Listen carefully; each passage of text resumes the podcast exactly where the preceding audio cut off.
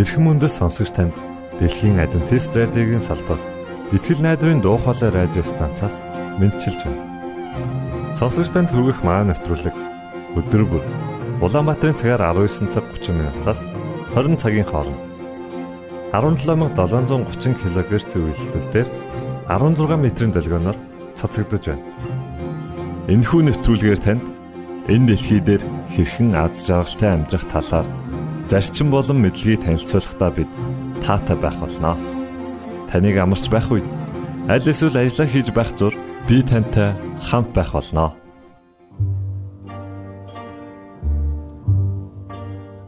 Өнөөдрийн дугаараар та бидний эрүүл мэнд юу бодож байгаатай маань холбоо хамааралтай юу гэдгийг олж мэдэх болно. Харин уран зохиолын цагаар Арчи хүүгийн багын мөрөөдөл түүний гэр бүлийн хүмүүс хэн байсан? Мөн түүний амьдралын талаар хамтдаа сонсох болно. За ингээд танд нэвтрүүлгүүдэд хүргэж байна.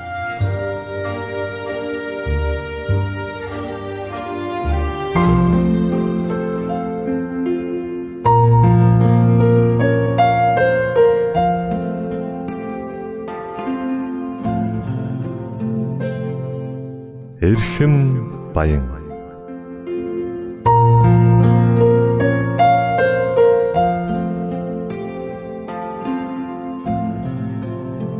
эрүүл амьдрах арга ухаан зөвлөмж тайлбарыг хүргэдэг эрхэм баян нэвтрүүлгийн шин дугаар эхэлж байна.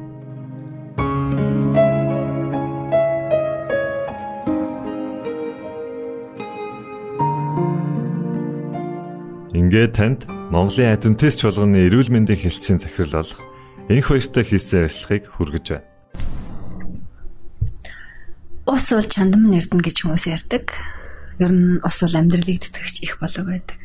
Хүний биеийн 75% нь уснаас бүрддэг, уурэг тархины 80% нь уснаас 80 орчим хувь нь уснаас бүрддэг, эсийн 90 орчим хувь нь уснаас бүрддэг. Тэгэхээр хүн тэр чигтээ ус байна. Яс хүртэл 30 орчим хувь нь уснаас бүрддэг. За ингээд а ус гэдэг маань бидний амьд оршиход амьд байхад чухал зүйлүүдийн бас нэг нь болох нэ. Усыг яаж хэрэглэх вэ? Усыг ууж хэрэглэнэ. Бас гаднаасаа хэрэглэнэ. Угааж цэвэрлэж.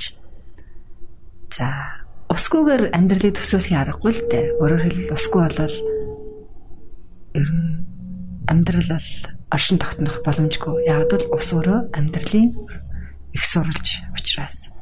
Бурхан усыг бүтээгээд ямар азар энийг элбэг дэлбэг бүтээсэн байж эдгээр байгаль дээр байж эдгээр бүтээсэн тийм ээ. Тэгэхээр ус маань одоо яг үнэтэй л бид нар хөдөлж авч байгаа л да. Гэтэ үнгүй бол байсан үе би голынхаа усаа угаад хэрэгэлдэг. Гэтэл одоо шүүлтүүрээр шүүж сэвэрлэж хэрэглэхгүй бол болохгүй бохирдлтны хэмжээнд хүрчээд байгаа. Тэгэхээр хүн уснаас юу авдаг вэ? Уснаас өрдөөл эрдэс авдаг. Ус бол калоргүй, илчлэг өгдөггүй.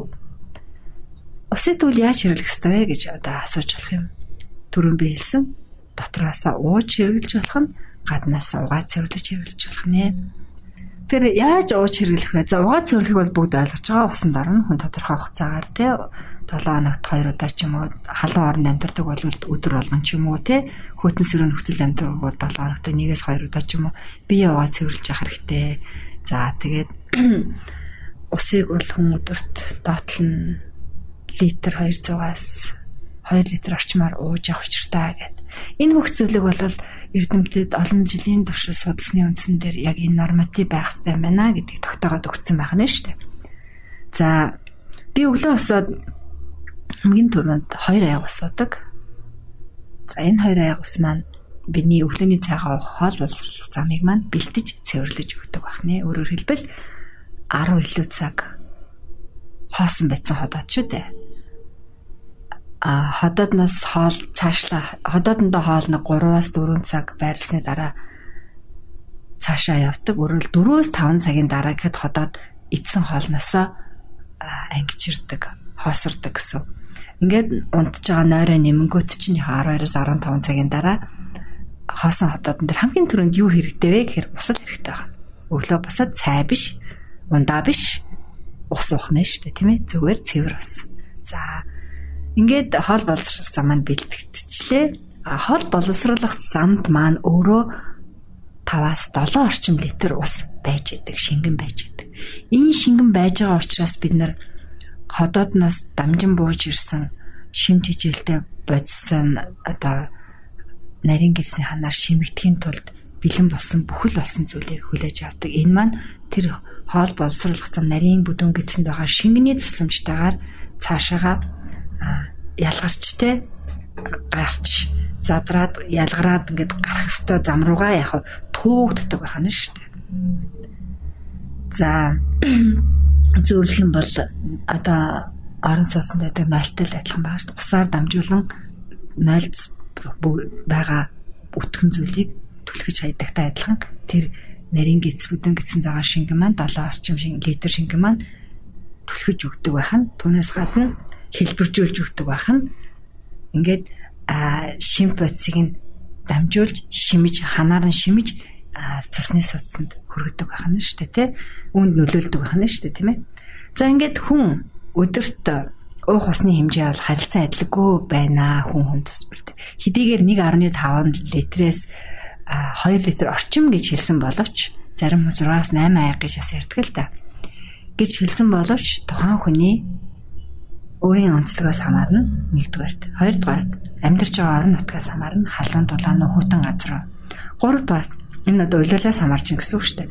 Гуравдугаар тэр хүний биеийн ачааллаас дасгал хөдөлгөөн хийдэг усаа их алддаггүй хийж байгаа ажил хөдөлмөр нь хүчний ажил уу сумгаа ажил уу гэдгээс шалтгаална шүү дээ.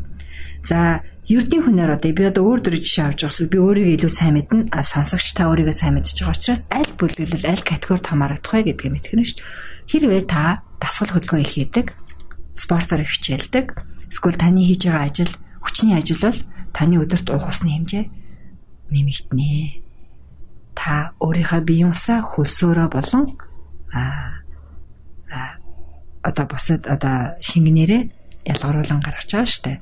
А бас хоол боловсруулах зам, хоол боловсруулах зам таны биеийн усыг өөрийнхөө замдаа яг 7 орчим литр усаа заавал хадгалах ёстой учраас шүүгээд тэндээ байлгарч идэг. За өдөрт уух усны өдөрт уух усны хэмжээ тухайн хүний онцлогоос шалтгаалаад өөр өөр байж болно. Гэхдээ 1 литр ус заавал уух ёстой байна. Хүүтэн газар амьдардаг хүн байж болно. Их ус уухаар бас их хэцүү шээс алдна гэд тээ. А гэхдээ тэр хүн хоолны хоорондоо 2 2 аяг усаа өглөө хоол идэхээс өглөөний цай авахаас өмнө 2 аяг ус буюу 400-аас 500 орчим грамм ус уугаад байна шүү дээ тийм ээ. Ингээд орой хоолноос хойш бас нэг баг ус уух хэрэгтэй. Ерөөд хүн өдөрт уух усаа 100% гэж үтх юм бол үсэх юм бол өдрийн 24 цагаас өмнө уух усныхаа 3-ны 1-ийг 3-ны 2-ыг нь ууцсан, үлдсэн 3-ны 1-ийг нь үүнээс хойш үлдээн. Яагаад? Яагаад гэвэл бөөрөнд өгөх ачааллаа хамгаалж байна гэсэн үг байна. За за ингээд хоол идэж байх үед ус аль болох уухгүй байх нь зүйтэй. Яг бол ус өөрөө саармжуулах үйлчилгээд. Тэм учраас хоолноос авсан шимт бодисуудыг саармжуулах сул талтай учраас хоолны үед мин ялангуяа хоол идэхээс 30 минут хоолсноос 30 минутын хооронд ус уухгүй байвал та хоолноосоо эдсэн хоолноосоо шимт бодисоо авч чадах нэ. За хүмүүс хоол идэл ус уугаад байдаг. Яагаад гэдэг вэ гэхээр хоол хоорондын үед одоо тэр хоосон зайнда ус уугаагүй усаа хангалттай уугаагүй учраас хоол идэж хахад аргах ч юм уу эсвэл шингэн дутагдаад байгаа тийм мэдрэмж төрдөг. За миний хувьд бол би усаа сайн уудаг учраас цөөнгч гэсэн би хуурай хоолойч гэсэн ямар ч тийм гусгүйгээр зажлаад идэх боломжтой. Ус хангалттай ус учраас надад шүүс хангалттай байдаг. Шүүс хангалттай байгаа учраас тэр хоолоо задлж бутлах ам дотор одоо хийх ёстой үүрэг ажлаа зөв гүйцэтгэж байгаа, зөв шингэний тусламжтайгаар гүйцэтгэж байгаа учраас надад ус уух, ундаа уух, цай уух шаардлага хоолны үед гардаг байх нэ. Тэгэхээр сонсогч таны хувьд ч гэсэн эрүүл мэндэд анхаарч байгаа бол хоолны үед ус биш эхний удаад та юу хийх вэ гэхээр усаа хоолны үед уухгүйгээр хооллохоос өмнө 30 минут, хооллосноос хойш 30 минутын дараа ууж сураарай л гэж зөвлөмөрөө. Тэр өдөр дуух усны хэмжээ хүн төсвөртэй харилцан байдгүй гэсэнчлэн тухайн өдрөөс шалтгаална. Жишээлбэл миний хувьд зарим өдөр жишээлбэл заалан тоглох өдөр биеийн хүчний дасгад их хийсэн өдөр би өдөр дуусах хэмжээ нэмэгдэг 3 литр болдог. Зарим тохиолдолд эвгүй хоол хүнс хэрэгэлсэн тохиолдолд өөрөөр задрахтаа хүнд хоол хүнс хэрэгэлсэн тохиолдолд хоолны дундуур усныхаа хэмжээг нэмдэг. Санамсаргүй тохиолдолд ч юм уу зарим нэгэн хүнд хоол идсэн. Хүнд гэж хэлж байгаа маань мах уухыг бэлээгүй л дээ. Амттай тий гурилан төрлийн хүнд хоол идсэн тохиолдолд хороо ялгаруулахын тулд усныхаа хэмжээг бас нэмэх шаардлагатай болдог. За ус өөрөө цэвэршүүлдэг бас дээрэс нь хоргожүүлдэг үйлчлэгээтэй бас сармажуулдаг гэж би ярьлаа тийм ээ. Тэр усны хэрэглээ гэдэг маань зөвхөн уухаар хязгаарлагдахгүй усанд орох усыг бас эмчилгээний журмаар хэрэглэх гэдэгт бас орох нэ. Нэгэнд усны тухай ярьж байгаа учраас усаар эмчлэх боломж маш олон одоо усаар маш олон эмгэгүүд өвчлөлүүдийг эмчлэх шинж тэмдгүүдийг дарах боломж байдаг байна. 100% ангаана гэж бол ярихгүй л дээ шинж тэмдэг даардаг. Жишээлбэл хүн халуурж хахад хүтэнжин тавина. Хүтэнжин маань усан хүтэнж, усанд бадсан алчуур ээж болно тийм ээ. За гарын алга, хөлийн улыг ч юм уу, чэжийг ч юм уу арчих тий. Энэ бол бас л шинж тэмдгийг намжааж байгаа усны төслөмжтэй. За ханиа төрсөн хүн байж бол. За хоолоо өвцөн гэж эхэлж яриа л да. Хоолоо өвцөн хүн байх юм бол хоолоогоо зүгээр карантины дасгааны температурт хэмт норгосон нойтон алчуураа хоолоон дээр жин тавиад гадуур нь хуурай алчуураар сайн гихч ороогоод хоноход өглөө босоод хоолоо олвол чиглэгдээд хоолооны дээр аргасан хуурайсан байдал нь гайгүй болдог. Энэ бас нэг төрлийн усан эмчилгээ. За усан эмчилгээ бол маш их нарийн маш олон төрлийн зүйл байдаг. Энэ уураар эмчлэх гэж бас байдаг. Хоолоогоо утаж бас болоход аа бас дээрэс нь хоолоогоо зайлах энэ бүгд усаар орсон эмчилгээ. За ханиадтай үед ч юм уу одоо нэгэн тийм хатгаа асан үед ч гэсэн усаар бас эмчилдэг эмчилгээний аргууд байна. За хамгийн энгийн арга гэхээр халуун усанд хөлөөд өрөх, толгой дээр хүтэн чин тавих. За бас ор савн гэж ярддаг галгарын утаар өөрийгөө ингээд хүзүүгөө хүртлээ битүүлээд дараа буцлаа одоо ус услагчд усээж буцалгаад төмпөнтэй халуун усан дотор хөлөө дүрээд духан дээрээ хүтэн жимгийн оролт толгой дээрээ бочоод суугаад 5-10 минут 15 15 орчим минут ч юм уу те суухад тэр хүн ядаргаа арилж биеэс хор гадагшлаад хэрвээ тэр хүн одоо харахыг ханиадтай бол одоо 2 3 орой хийсний дараа бол намжина. Гэх мэтчлэн усаар эмчлэх маш олон аргууд байдаг. За хатгаа авсан хүнийг ч гэсэн бас усаар эмчилдэг. За халуун хүтэн чэйжэн дээр жин тавих гэж бас нэг эмчилгээ байна. За өөр чин одоо халуун хүтэн шүршүрд орох гэж бас нэг эмчилгээ байна. Өглөө хүн бие хүтэн усаар шүршээд гарахад бол сэргээл ирдэг. За нэг зүйлийн нэг тодруулга бас юмэр байна л да. Харзны ус гэж ярьдаг. Тэгээ харзны усанд орох бол бас эрсдэлтэй л байдаг л да яг цооногийн ус гэж бас нэрлэж болох юм нөө цоон өвлийн хүтэн цооног гаргаж чагаад усанд ороод гараад ирэх тийм ээ. За хүн энийг болгоомжтой их хэрэгтэй өөрөлдвөл хүү хүтэн усан дотор хүн 3 минут байхад бол зүрхэнд ачаал их өгснөөс бол баг өхөлт хүрэх аюултай байдаг. Энэ бол амгаахын шинжилгээ ухааны үндсэлтэй зүйл шүү дээ. За харин гэртээ гэрийнхаа нөхцөлд халуун хөт усанд орох боломж байна. Тэгэхээр заавал цоног усанд орох албагүй байна шүү дээ, тийм ээ. Гэртээ халуун усанд орсон хүн хөт усаар дуусгаснараа бид нөгөө хөт усны одоо хөт усанд орсноор би өөрөө өөрөөсөө тийм халуунаа ялгаруулж, дулаанаа ялгаруулж тэнцвэрээ зохицуулдаг байна. Өөрөөр арьс маань их гайхамшигтай эрхтэй юм. Халуун хөтний тэнцвэрийг зохицуулж яадаг эрхтэй. Тэгэхээр одоо талхны температурд байхад бидний арьсныг байхад гинт хүүхэд ус засахад арьс өөрөө а тиймээ тохируулахын тулд дулаан ялгаралдаг байна. Яг энэ хүчит хүний цагаан эс буюу лимфоцитийн тоо ихсдэг байна. Яг энэ үед эсэргүүцээ сайжирдаг гэж үздэг. Тийм учраас манай шин гарааны энэ үеэр усан эмчилгээг айгүй хөтөлгөө хэрэгэлдэг л дээ. Халуун хүтэн шүршүр гэдэг эмчилгээ байна. Энэ маань монголчуудын маань ярьдаг нөгөө хардсны усанд өвөл ордог эмчилгээтэй төстэй болж чинь тийм ээ. Гэхдээ аюул багтаа. Харсны ус нь ужиг хууч өвчтөн орсноороо ужиг хуучин даамжрах эрсдэл гардаг бол халуун хүйтэн гэрийн тасгааныхаа нөхцөлд халуун хүйтэн шүршүүрээр шүршээд хамгийн сүүлд хүйтэн шүршүүрээр дуусгаад гарна гэдэг маань эрсдэл байх та. Гарсан хүйтэн сэлхэнд авах зохиолохгүй шүү дээ тийм ээ.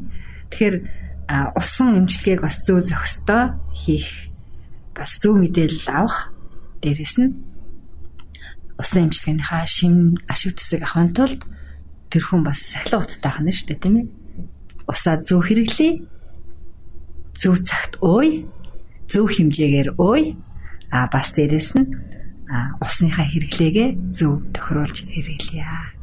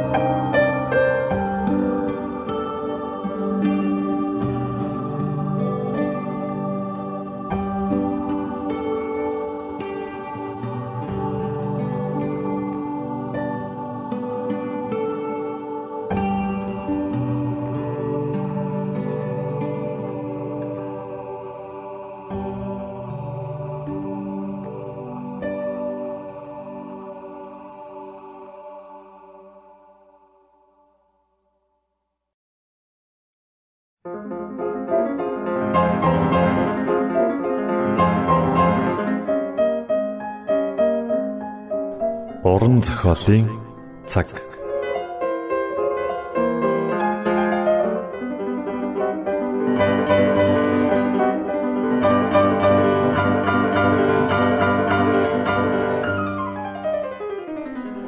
Уран зохиолын цаг нэвтрүүлгийн шин дугаараар уулзж байгаадаа баяртай. Энэхүү булангаараа бид уран зохиол, утга уянга, яруу найргийн өнгө аястай ном тохиомлуудыг сонсогч та бүхэндээ хүргэх болно. Та бидэнтэй хамт байгаарай. Тэн удаагийн дугаараар эцгийн гашуун бэлэг хэмээх Арчи хүүгийн тухай гарах номыг сонирдуулах гэж байна. Хөгжмөдөө артн соно.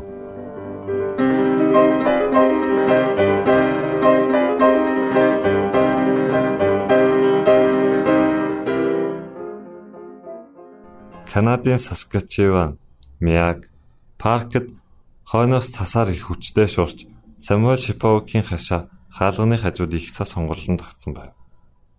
Салхил салхил төгсөн ч надад хүрч чадахгүй юм чинь гэж Арчигийн эцэг өглөн сун. Самуэль өөрийн барьсан хоёр өрөө байшингийн хар бишэн дээр Борш Вереника халав. Анх хойд Саскачеван нутагт хөл тавихад хуучин амьдарч байсан Шиповик шиг байсан бол Одоо түнд яг л Сибирь нутаг шиг санагдах болжээ. Тэр пишингээ онгойлгон мод нэмэв. Түүний өрөөний нэг өнцөгт мод хураажээ. Гадаа байшингийнх нь ард тал бас мод хураалттай байв. Тэр өөрийн хийсэн модон ширээн дээр цуурсан аяг халбаг тавьжээ. Аягны хажуу талд коуч хатагтай өгсөн талх Борш Гвараника байлаа. Коуч хатагтай зул сарын хамт өнгөрөө ихэд Самуэль зөвшөөрөөгүй. Талхных нь хажууд таалшил арх харагдана. Самуэль нэг сандал татас суугаад хоолой халахыг хүлээн суув. Зул сарын ариун үдэ өгсөн хөршүүдийг их баярлаж байсан ч тэр нь гэр орноо санах гол шалтгаан болжээ. Пишн дээр халаад буцаж буйшгал шинхэн талхны өмнөр Домкагийнх нь дүрийг санагдуулав. Хинч түүн шиг сайн хоол хийдэггүй байсан. Домкага шин суурьсан орондоо авчирч барьсан байшиндаа хамт орж мөрөөдлөх хуваалцахыг тун их хүсэж байв. Оройн хоолоо идэж дуусны дараа хоёр дахь лагаа асаагаад их нэртэй захиа бичиж эхэллээ. 16 мянган км-ийн зайтай газраас 5 сарын дотор Шипог хатагтай гар дээр захиа очив. Тэр захиаг хүлээн аваад задлахад гар нь чичирч Самуэлийн танил гар орчнолыг хараад зүрх нь хурдан цохилж хоолой заграад явчихав. Нүднээс нь нулимс урсна. Тэгээ тэр урт цагаан төгтөтэй захиа гад дулаацаж буй арчээд өгөөд Миний сэтгэл их хөдөлж байна. наадах захиагаа уншаадах гэж шивгэнэх шахам хэлв. Арчи цаасыг тэнилгээд ийн уншив. Хайр технэр минь өнөөрөө зул сарын эхний өдөр манай хөрш намайг гэртээ урьсан боловч би та нарыгаа бодож сухаар ганцаар үлдлээ. Одоо би Борш, Варенка, Коляч идэж байна. Гадагтай коуч өөрийнхөө хүүхдээр явуулсан юм. Би өөрийнхөө эдлэн газрын 3-1-ийг цэвэрлээд өвлийн үр суулгасан. Би ганцаар ажилдаг учраас их хэцүү. Их удаан явах юм. Би энд ирээд тэргэнд хөллөх дөрвөмөр хадуур бас багаж хэрэгсэл мөн үр тариа авсан. Би та бүгдийг нааш ирүүлэх мөнгө арай цуглуулж амжаагүй байна. Би төмөр замд зам тавих ажилд орсон. Харин одоохондоо ажилгүй байгаа. Яагад гэвэл гадаа их хүүтэн учраа өнгөрсөн 7 хоногт хасах 40 хүртэл хүүтэрч Подолскос хүүтэн болсон. Би өчигдөр гадаа жаахан явснаас болж чихээ бүр хөлдөөчихжээ. Энэ цахиатай хамт би Арчигийн тасалбарыг явууллаа. Би бас дээлсэн юм шүү. Арчи өөрөө төмөр замд ажиллаж мөнгөө төлж чадна. Удахгүй би Берт роман тасалбарыг нь явуулнаа. Би та бүгдийг энд авчих ёстой. Эмээд мэндийг минь хүргээрэй. Берт хичээл сурлагандаа сайн байна уу? Жениагаар сонин сайхан юу байна? Март хүнтэй сууна гэж байна уу? Бүгдэд чинь хайр сэтгэлээ илгээж байна. Самуэль. Өө ээжээ, үүнийг хардаа Канада руу явах тасалбар бас надад зориулж бичсэн захиа байна. Хайрт арч юм. Иван чамд Австри явах замыг чинь зааж өгнө. Венес чи Францын Парист очих галт тэргэн суух ёстой. Тэндээс Монтрил руу явах усан онгоцны бодол холгүй. Тэгээд Монтрилоос чи галт тэргэн сууж Бордон, Саскачеван руу явна. Чи Монтрил очоод Мид парк руу над руу цахилгаан явуулаарай. Би чамайг бордон дээр тосож авъя. Чи хурдан ирэхийг бодоорой. Яг хавар гэхэд аавчин. Та яагаад уйлаад байгаа юм бэ ээжээ? гэд захиагаа ширэндээ тавиад ээжийнхээ дэргийг суугаад ээжээ битгий бол намайг Канад явна гэдэгт та баярлахгүй байгаа юм уу? Энэ бол надад олдож буй боломж. Тэгэлгүй яах вэ? Би чамд баярлаж байна. Чамаар бахархаж байна. Хүүмэн чи бүх зүйлийг сайн хийн гэдэгт чинь би итгэж байна. Хоёр жилийн өмнө явсан Самуэлийн араас би чамд л найдаж байсан.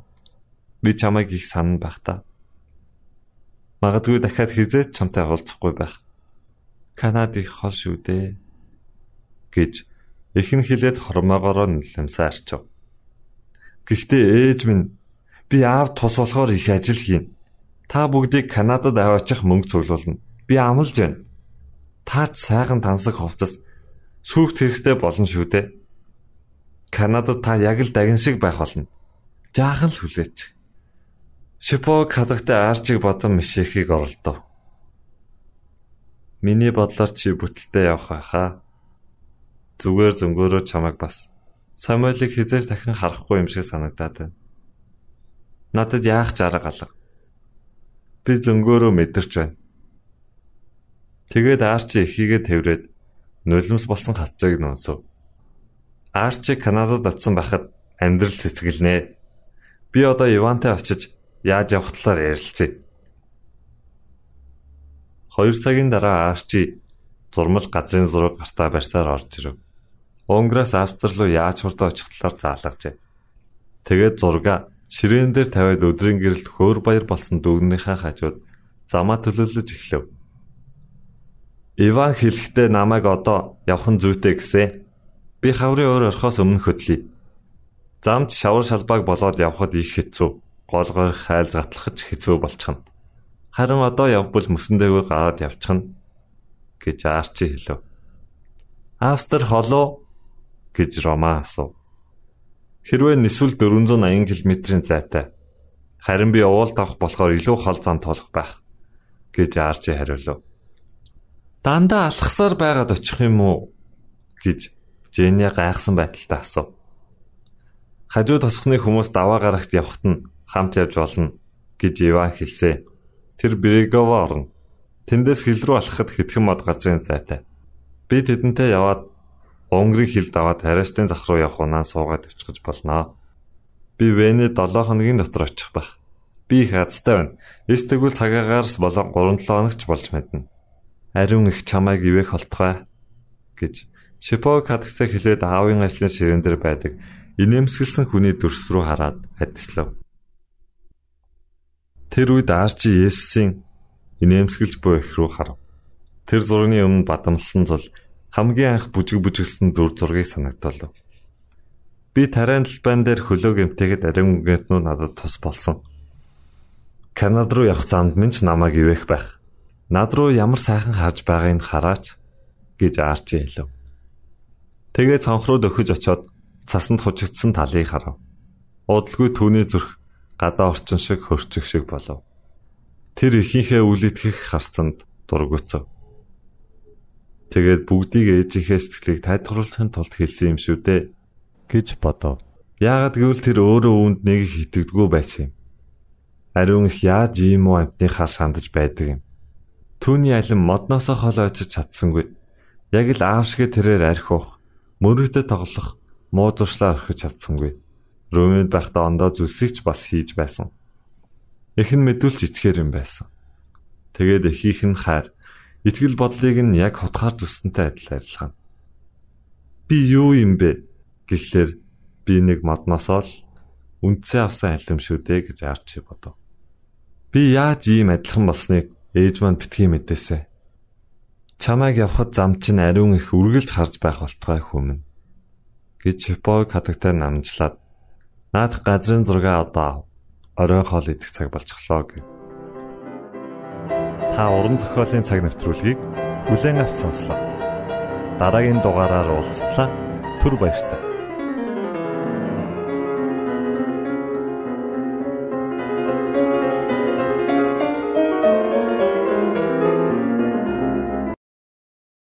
Итгэл найдрын дуу хоолой радио станцаас бэлтгэн хөрөгдөг нэвтрүүлгээ танд хүргэлээ. Хэрв та энэ өдрийн нэвтрүүлгийг сонсож амжаагүй аль эсвэл дахин сонсохыг хүсвэл бидэнтэй дараах хаягаар холбогдорой. Facebook хаяг: Satiin үсгээр Монгол заавад AWR Имейл хаяг: mongol.awr@ gmail.com Манай утасны дугаар 976 7018 24 9 Шуудангийн хаяцаг 16 Улаанбаатар 13 Монгол улс Биднийг сонгон цаг зав аваад зориулсан танд баярлалаа. Бурхан таныг ивээх болтугай.